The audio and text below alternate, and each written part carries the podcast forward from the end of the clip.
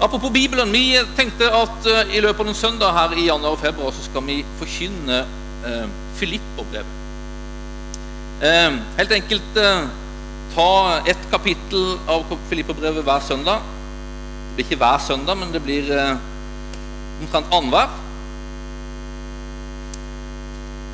Og så tar vi ett kapittel hver søndag. Hvorfor gjør vi det?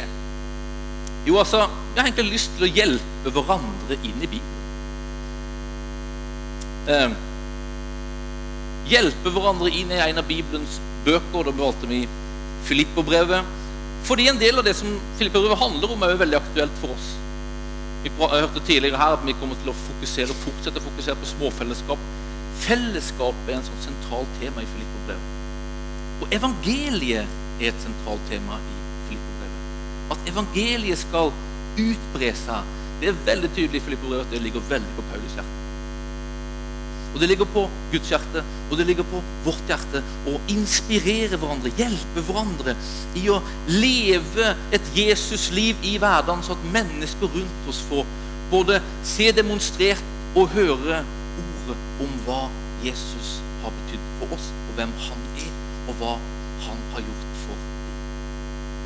så Filippobrevet, det føles som et aktuelt brev, og så føles det som et sånn passelig stort brev å begynne med. For Vi er ikke vant til det her i Froland, tror jeg, å forkynne liksom en hel bok sånn litt systematisk. Så jeg tror iallfall det er derfor så lenge jeg har vært der, at det er første gang vi gjør det sånn. Um, men jeg tror det er nyttig og jeg tror det er spennende, så vi, vi prøver oss. Filippobrevet, det er skrevet av Paulus, det. Uh, sånn uh, ca. år 60, 30 år etter pinsedag, så skriver Paulus det brevet til menigheten i Filippi. Som Filippi var jo den første byen i Europa som Paulus liksom nådde med evangeliet. Det var jo dit han kom når han så det her synet om natta av denne mannen fra Makedonia som ropte på han i Apostelens gjerning kapittel 16. Og Filippi er på en måte den første liksom, byen og området i Makedonia som han kommer til når han kommer fra, fra nåværende Tyrkia, som han gjorde der. Eh, når han skriver det her eh, brevet som, til den menigheten som han da grunnla Les gjennom det i Apostlenes gjerning kapittel 16. Eh, så skriver Paulus fra fangenskap. Han sitter som fange i Roma og skriver brevet til menigheten i Filippi. Og Da kan man tenke seg her at dette er et brev som er litt sånn dystert. Det er jo naturlig å tenke på når man sitter i fangenskap og skriver.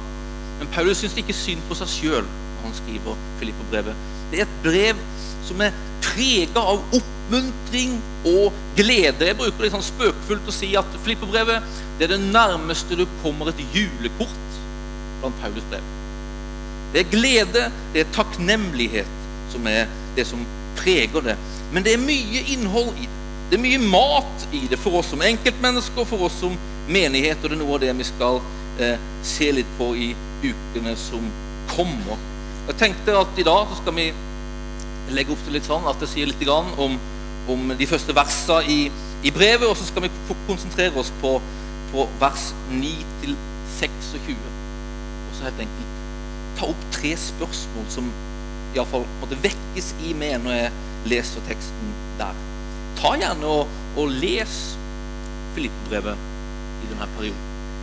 Vær forberedt liksom på det som kommer, så tror jeg det skal være veldig berikende for deg. Paulus og Timotius, Kristi Jesu tjenere, hilser alle de hellige i Kristus Jesus som bor i Filippi, og deres tilsynsmenn og diakoner. Nåde være med dere og fred fra Gud vår Far og Herren Jesus Kristus. Sånn innledes Filippo-brevet. Og det her er på en måte ikke et sånn unik innledning for Filippobrevet. Det er typisk sånn Paulus innleder alle sine brev. faktisk. Og Det er heller ikke noe unikt for Paulus, egentlig. For det her er han, man skulle innlede brev på denne tida med et fra og et til. Det er liksom ikke som våre julegaver som begynner med til, men her begynner man med fra. Fra og til. Til de hellige som bor i Filippi, og deres tilsynsmenn og diakoner. Til de hellige og de lederne de hellige er satt under. Paulus adresserer menighet. Paulus adresserer alltid menighet eller menighetsledere. Og vet, Det her er liksom sånn her basic hos Paulus. Det her er en sånn ordning Paulus alltid følger. Han adresserer menighet. Til de hellige og deres ledere. Til de hellige og deres sammenheng. Jeg tror at jeg og du som troende, vi kalles hellige av Paulus, jeg tror at vi tilhører alltid et sammenheng og et fellesskap. Vi er kalt inn i menighet. Den lokale menighet. Vi er kalt inn i et fellesskap der det fins en lederskapen, en ordning. Det er en Guds idé og en Guds tanke å sette du inn i et sammenheng der det fins gaver og tjenester som skal være til hjelp for Vi er ikke kalt inn i et sololøp som troende. Vi er kalt inn i et fellesskap som Bibelen kalles, kaller for menighet. Dette er det Gud har utvalgt i denne verden. Denne, det er fellesskapet som han ønsker å, å, å, gjøre til sin kropp, til sin bygning, til sin familie, ja, til sin brud i denne verden. Dette er hans prosjekt. Han bygger sin menighet. Og så ønsker han å inkludere så mange som mulig i den. Og du, min venn, du er en av de her som er kalt til det hvis du tror på Jesus Kristus. Du er kalt til å la deg forsamles. Du er kalt til å bidra, kalt til å være et lem, kalt til å la deg bli utrusta og bygd opp av de tjenestene og av det lederskapet som er innsatt der du er. Det med lederskap det er ingen trussel for oss. Det er ikke en begrensning mot oss, som det kan oppleves nesten sånn i et individualistisk samfunn som vi lever i. Men det er noe Gud har fått deg. Dette er Guds gaver, hans redskaper, som han har gitt for at du skal komme inn i det han har for deg. Men det å være utenfor, det å være i perifi, perif, periferien, heter det. Periferien. Periferien. Det å være uavhengig av andre troende. Det er ikke en frihet som forløser deg. Det er noe som sterkt begrenser ditt kristne liv og det Gud vil med ditt liv. Men Gud, han, han åpenbarer seg i menighet. Og tenker å handle gjennom sin menighet. Og de lederne og de tjenestene som er innsatt der. Dette er Guds ordning, og det er en ordning Paulus følger. Det var en liten innledning. En liten viktig sådan. En liten parentes. Parenteser er alltid viktig og herlig. Sidespor er ofte det mest oppbyggende som fins. Etter at det her innledende fra og til så følges det alltid hos Paulus denne nådehilsenen. Nåde og fred. Og så går det over i takk og bønn. Og Paulus han ber som oftest i begynnelsen av sine brev, og så ber han ofte noe som, som på en måte har med brevets fortsettelse å gjøre. Og jeg tror det som skjer her i Filippi, den, Filippi-brevet, den, den, bønnen han, han, han, ber, det er noe som har med resten av dette brevet å gjøre. Og dette ber jeg om at deres kjærlighet må bli mer og mer rik på innsikt og dømmekraft slik at dere kan forstå og avgjøre hva som er viktig, og stå rene og uten feil på Kristi dag, fylt av rettferdsfrukt som vokser fram ved Jesus Kristus, til lov og ære for Gud.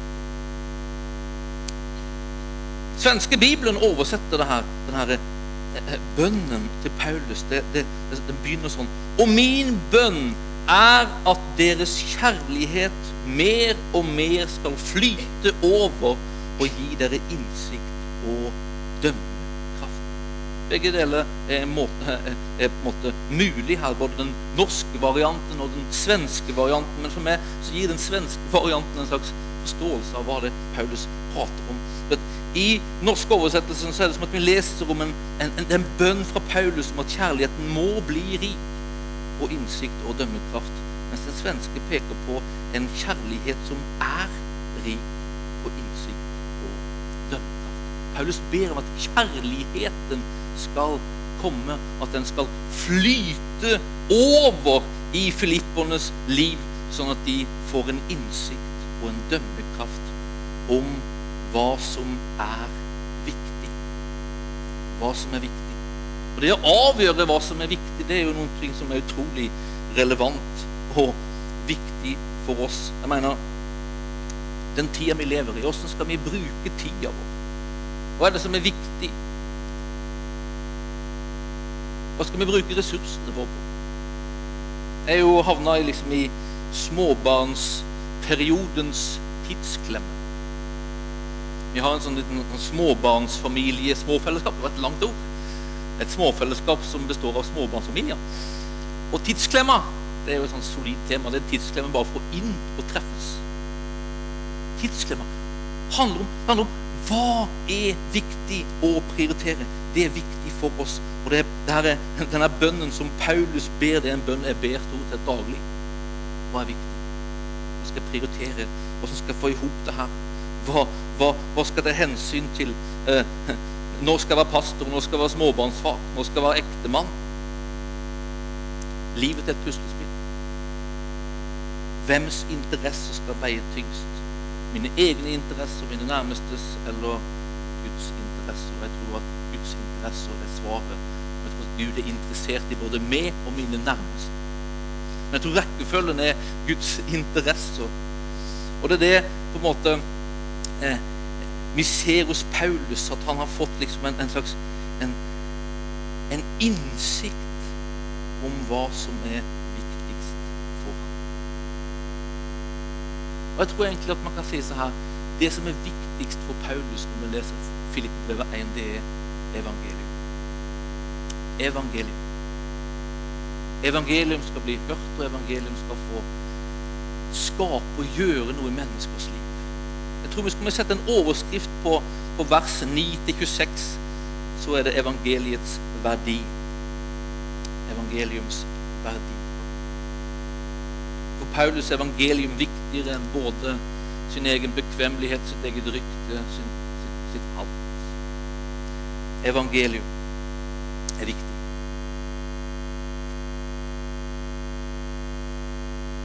Så sier han noen sånn utrolig radikale ord i vers 21. Hvis Mariell kan hjelpe meg til vers 21. Så skriver han Å leve er for meg Kristus.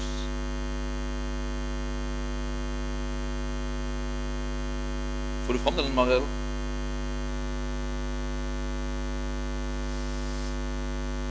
Her har den hengt. Å leve er for meg Kristus, og å dø er en vinning. Og det vekker spørsmålet med når jeg leser det der.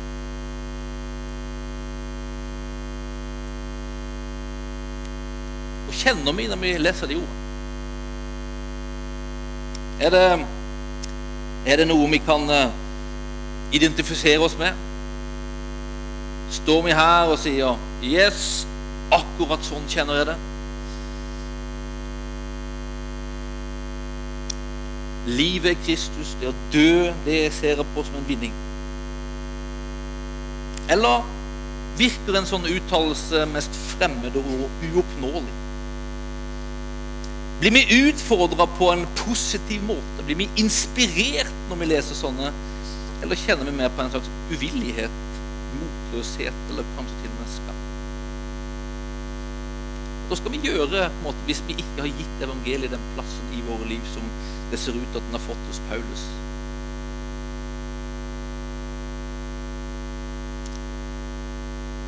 Vi skammer oss? Er det det Paulus vil her? Han bare liksom setter standarden liksom, og sier sånn Har du ikke det her, skam deg. Nei, han gjør ikke det. Og vet du hva? Det er en trøst for meg at uh, Paulus ikke heller alltid har gitt evangelium den plassen i sitt liv. Tvert imot. Han forfulgte evangeliet. Han forfulgte de som tok imot det, de som forkynte det. Han forfulgte det. Han motsto det mer enn på en måte satte verdi på det. Åssen havna Paulus her? At han ser på livet som Kristus og det dø som en vinning. Jo, han har gjennom kjærligheten fra Gud fått en innsikt om dets verden. En innsikt om hvor fantastisk det er, hvor herlig det er. Han fikk det på veien til Damaskus når han forfulgte de kristne. Han skulle ut og ta de kristne, så fikk han en erfaring av at det faktisk ikke var han som forfulgte Gud, men Gud som forfulgte ham. Det er faktisk det som skjer. For at Jesus Kristus, Kristus som er livet for Paulus Kristus er Guds liksom middel til forfølgelse av Gud.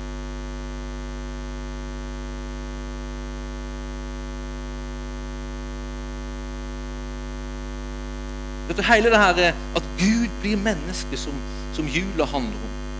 Det at, at Jesus han smaker og bærer all vår synd, smerte og mørke. Det handler om at Gud kliver ned til du for å finne deg, forløse deg og frelse deg. Og det er den erfaringen Paulus har gjort.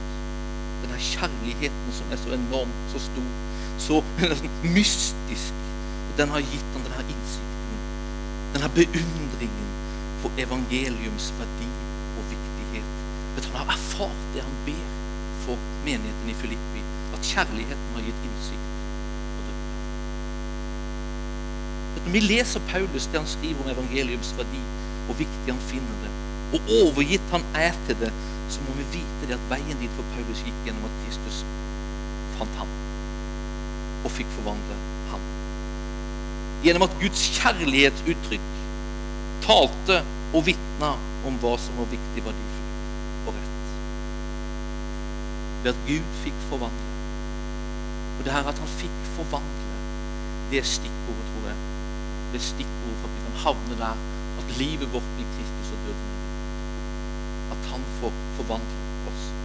Kong David skriver Salme 23, så står det noe utrolig Det er masse vakre ord i Salme 23, men det står det i vers 6 Bare godhet og miskunn skal følge meg alle mine dager. Det er det her ordet nåde. Guds ufortjente godhet og gunst som han sier skal følge oss. Eller som det faktisk står forfølge oss. Matthew Henry han er en kjent, er en kjent gammel bibelkommentator han skriver om denne tekstraden i Salme 23 at det er nåde som strømmer ut fra en kilde og til oss. Det er en tilgivende nåde, en beskyttende nåde, en bevarende nåde og en forsynende nåde. Den strømmer til oss og søker etter oss. Den skal følge etter oss, skriver han, i alle slags omstendigheter og i alle At I perioder så har det liksom vært sånn inn at vi skal jage etter Gud. Jeg, jeg husker en bok om å jage etter Gud. og Det, det skal vi på en viss måte, men, men den, den, jagingen handler mer om å stoppe opp, bli stille og innse at Han er den som jager oss. Og la oss bli fanga av Han og gi oss til Han og den nåde som Gud har sendt til oss i Jesus Kristus. For det er det som gjør at kjærligheten kan få flyte i våre liv og gi oss innsikt om viktigheten og verdien av evangeliet. Denne prioriteringen til Paulus, den innsikten, innsikten som han har fått, det er et produkt av Guds forvandling. Men ikke desto mindre så, så er det allikevel en prioritering og en bedømning som vi som etterfølger i dag kalles inn. Det er det her Gud har på sitt hjerte. Det er det som legges på Paulus sitt hjerte. Og det Gud har på sitt hjerte, vil han legge på ditt og mitt hjerte. Det er som at han vil at vi skal høre det her, se det her, og herlig det her er, for at vi skal få en innsikt som gjør at vi påvirkes og setter oss i bevegelse. Det tar meg til neste spørsmål. For det Paulus har sagt og er opptatt av mens han sitter i fengsel, er at evangeliet blir forkynt og Kristus blir løfta opp. Og Paulus finner det verdt å bruke tid, kraft og ressurser på å gjøre evangeliet kjent. På å løfte opp Jesus for mennesker som ennå ikke kjenner ham. Det neste spørsmålet som jeg har stilt meg, er er det å gjøre Kristus kjent viktig for oss. Hvorfor er vi ikke like ivrige som Paulus? Hører det kanskje sammen med vår tro eller brist på tro at vi har noe å bidra med for å gjøre og utbre evangeliet? Jeg tror at vi ser viktigheten. Jeg tror at vi vil liksom si at det er viktig. Men jeg tror ofte at det stopper og passifiserer oss det, vi, det vi ser når vi ser på oss sjøl. Hva har jeg å bidra med? Hva kan jeg gjøre? Jeg har jo ikke utdannelsen, jeg har jo ikke, har jo ikke erfaringen, jeg har ikke troen. Men vet du hva? Du har noe. Men I forkynnelsen av evangeliet, å utbre evangelium, så er det sånn at ingen kan gjøre alt. Men alle kan gjøre noe. Alle kan gjøre noe. Og vet du hva? Gud, han altså der må du misforstå meg veldig rett, han, han blåser i om du gjør alt rett. Vi leser Filippe-brevet 1, så er det som Paulus har blåser i om folk gjør ting rett. De forkynner evangeliet. Bare evangeliet forkynnes, så blåser jeg i det, sier Paulus. Selv om noen av de som gjør det, egentlig gjør det for at jeg skal få problemer.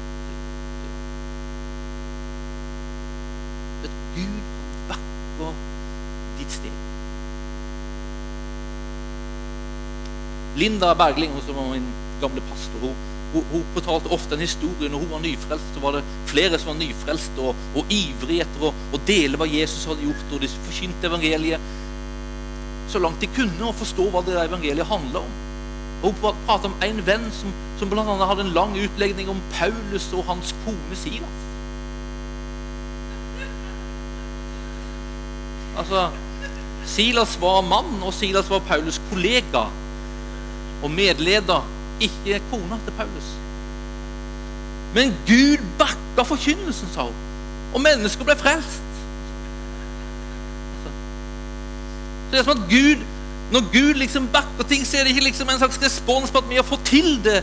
Det er en respons på at vi beveger oss. For når vi beveger oss, så kan han få bevege seg. Altså. Det er det det handler om. Vi alle er kvalifiserte. Vi alle har det som behøves når vi tar imot Jesus, så bor han i oss. og vi beveger oss, så får han bevege seg. Tror du det? Altså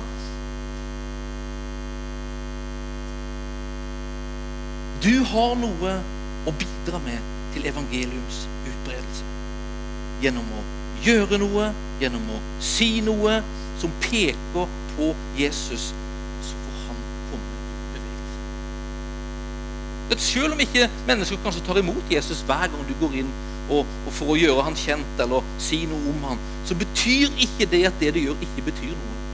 Paulus prater om det her i 1. Korinterbrev, at noen sår, andre vanner, og i tillegg får noen høst. Og vi har på en måte satt det her med å høste som det store. Det er bare det som teller, tenker vi. De som er, de som liksom evangelister, de høster inn i store mengder. Jeg høster aldri, derfor har jeg ingenting å komme med. Sludder og vas. Så og vi vant. Jeg husker min liksom, prosess og vandring til tro. Det var, en, det var en vandring og en prosess som holdt på i et par måneder. Også. Og i den prosessen så var det mange som bidro. Det var noen som hadde sådd tidligere allerede. Det var noen som sådde i den perioden og vanna i den perioden, helt til den kvelden som Margaret fikk høste. Margaret Solheim hun sitter der. Hun høsta meg inn for 20 år siden. 21 år snart. Men det var ikke bare hun som på en måte hadde vært bidratt til det. Det var mengder som, som, som, som sa noe og gjorde noe som gjorde at Gud fikk virke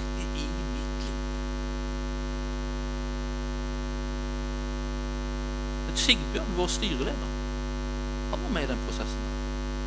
Jeg husker en gang han, jeg var liksom av vel brisen på byen. Traff Sigbjørn. Regner jeg med, jeg husker ikke det, men iallfall husker jeg at han kjørte meg hjem. Og jeg husker den dag i dag at han på den turen hjem delte sin tro. Altså, Jeg vet ikke om det var teologisk korrekt. Det kan godt være det var, men jeg husker ikke liksom alle ord. Det var ikke noe sånn her skjelvende stemme og 'så sier Herren'. og Det var, det var Han delte sin tro på en sånn måte at det gjorde sånn inntrykk på meg. Det skapte en slags lengsel etter en lignende erfaring i mitt liv til å få tak på den tro som han hadde. Vet du, Jeg har ikke sagt dette til Sigbjørn før rett før jul. Men jeg husker på det hele tiden. Og flere var det altså, som bidro, som, som som sådde, og som vanna. Og jeg tror at du og jeg vi har sådd og vi har vanna i menneskers liv uten at vi vet det i dag. Sigbjørn visste ikke om det før rett før jul. og det er andre som sikkert ikke engang vet det. Eh, I, I, mitt liv og òg i andres liv. Vet du hva? Det var ikke bare Margarets fortjeneste at jeg tok imot Jesus. Jeg fikk høre om Jesus. En mengde mennesker involvert i forkynnelsen av evangeliet. Det at evangelium fikk utbre seg inn i mitt liv. At du har noe å bidra med. Du har noe å bidra med. Evangelium er viktig. Og du har noe å bidra med i at det livsforvandlende, livsviktige budskapet får utbre seg i vår verden.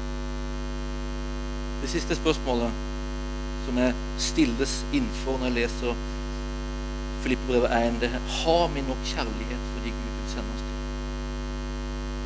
Er menneskene rundt oss viktige og verdifulle nok for oss? Det vi ser hos Paulus, det her, at han har et utrolig hjerte for de han skriver til i Filippe. Og han lengter. Og det er eneste grunnen nærmest for at han, han ønsker å, å, leve og ikke liksom tas til himmelen og være med Kristus. Det er for Filippenes skyld bli hos dere alle og hjelpe dere til fremgang og glede i tro. Involvere seg i mennesker. Leve for mennesker og vandre sammen med mennesker. Det hjertet Paulus har for mennesker, som han har fått gjennom at kjærligheten fra Gud har fått skape det i ham, flyte i livet hans, det er noe som jeg tror at Gud ønsker smitte oss med. Vi ser at Paulus involverer seg i mennesker i Filippi når vi leser om de apostlenes gjerninger, kapittel 16. Han treffer Lydia der, denne kvinna. Tar inn i hjemmet hos, fører hele familien hos til tro. Vi ser i Filippi at Paulus og Silas de forvandler liksom fengselshullet til en katedral og lovsynger Gud, så, så, så lenkene liksom faller, og så kommer fangevokteren og når liksom friheten er, er, liksom, er der, og dørene er åpne, Paulus kunne bare liksom klive ut i sin frihet, så er hjertet hans for fangevokteren. Så vet han risken fangevokteren løper hvis de stikker. Så er det døden som venter. Så han sier vi er her. Og fangevokteren kommer og inviterer Paulus, tar med seg Paulus midt på natta hjem til seg. Og Paulus han, han er der, deler livet sitt, fører familien til tro, er der. Og så blir han med fangevokteren tilbake i fengselet etterpå. Og blir der til dagen etter, når de romerske myndighetene sender bud at han er løslatt. Hjertet for mennesker hos Paulus er utrolig tydelig. Det er gjennom et møte med Guds kjærlighet, en, en, en erfaring av Guds hjerte for mennesker, at han har fått tak på det, blitt smitta av det. Og jeg tror at han ønsker på en måte å peke på det som noe viktig som Gud ved sin kjærlighet ønsker å smitte oss med. Du vet, den herre kjærligheten til mennesker, den er så utrolig viktig for at vi skal få ha påvirkning for mennesker. Det er som kjærligheten til mennesker som gjør oss kvalifisert til å ha med mennesker å gjøre. faktisk. Altså, Det er jo logisk. Jeg mener, jeg sender ikke mine barn Nå er Sonja her. Jeg sender ikke mine barn til barnehagen der oppe hvis jeg ikke er trygg på at de elsker. elsker minimum. Det er sånn at Gud han, han sender ikke mennesker til oss hvis ikke han er trygg på at vi elsker. Jeg hadde en så utrolig konkret opplevelse med den gang. Jeg hadde, hadde en, en, venn som jeg hadde liksom dritt litt på draget, og som jeg, jeg, tenkte nå finnes det behov her for litt korreksjon og, re, re, og rettledning og veiledning. Og jeg hadde liksom jeg hadde lagt en plan for min tale. Jeg hadde lagt en plan for hva jeg skulle si, og hva jeg skulle liksom peke på og vise og overbevise om at hva som var rett. Og jeg gikk, husker jeg, på jobben faktisk, og jobba. Og jeg planla ikke jobben her, altså, men det var jobben på, jobben på, på Rema 1000. Og jeg gikk der og jeg planla min tale. Så var det så midt når jeg gikk og øvde på talen, så var det sånn Gud bare sa stopp. Stopp. Så var det som at han sa Jeg har min vei med den personen, men det er ikke den veien du går på. Så det var som at han sa hold deg vekk. det var ikke meg som skulle sendes. Og jeg tror ikke det var fordi at jeg ikke hadde rett. Jeg tror jeg hadde rett, men jeg tror ikke det var plassert der. Jeg tror ikke jeg var plassert i den kjærligheten som kvalifiserte meg for å strekke Guds hjerte til Gud ønsker å veilede, Gud ønsker å korrigere, Gud ønsker å føre oss inn på den veien han har. Men han ønsker å gjøre det ved sitt hjerte. Kjærligheten er det som kvalifiserer oss til å nå våre naboer, våre jobbekamerater, våre slektninger. Gud ønsker å sende oss. Bønnen til Paulus er Guds bønn. At hans kjærlighet skal få flyte i livet vårt, så at vi ser hva som er viktig og verdifullt. Det å elske mennesker som Jesus elsker. Det å elske mennesker som, som, som Gud elsker mennesker, er avgjørende. Og jeg tror òg at det her er det som er avgjørende for at vårt fellesskap skal forbli det som Gud har tenkt at vårt fellesskap skal være.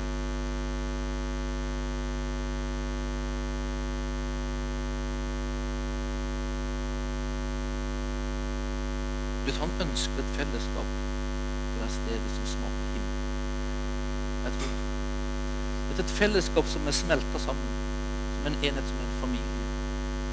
Der tillit rår, der kjærlighet rår et menneske for å være, kjenne seg inkludert i et fellesskap bør kjenne seg hørt, sett satt verdi. Bare et fellesskap som klarer å gjøre det som skaper det fellesskapet som smaker himmel. Ha med den kjærligheten. Det er et spørsmål jeg stiller meg.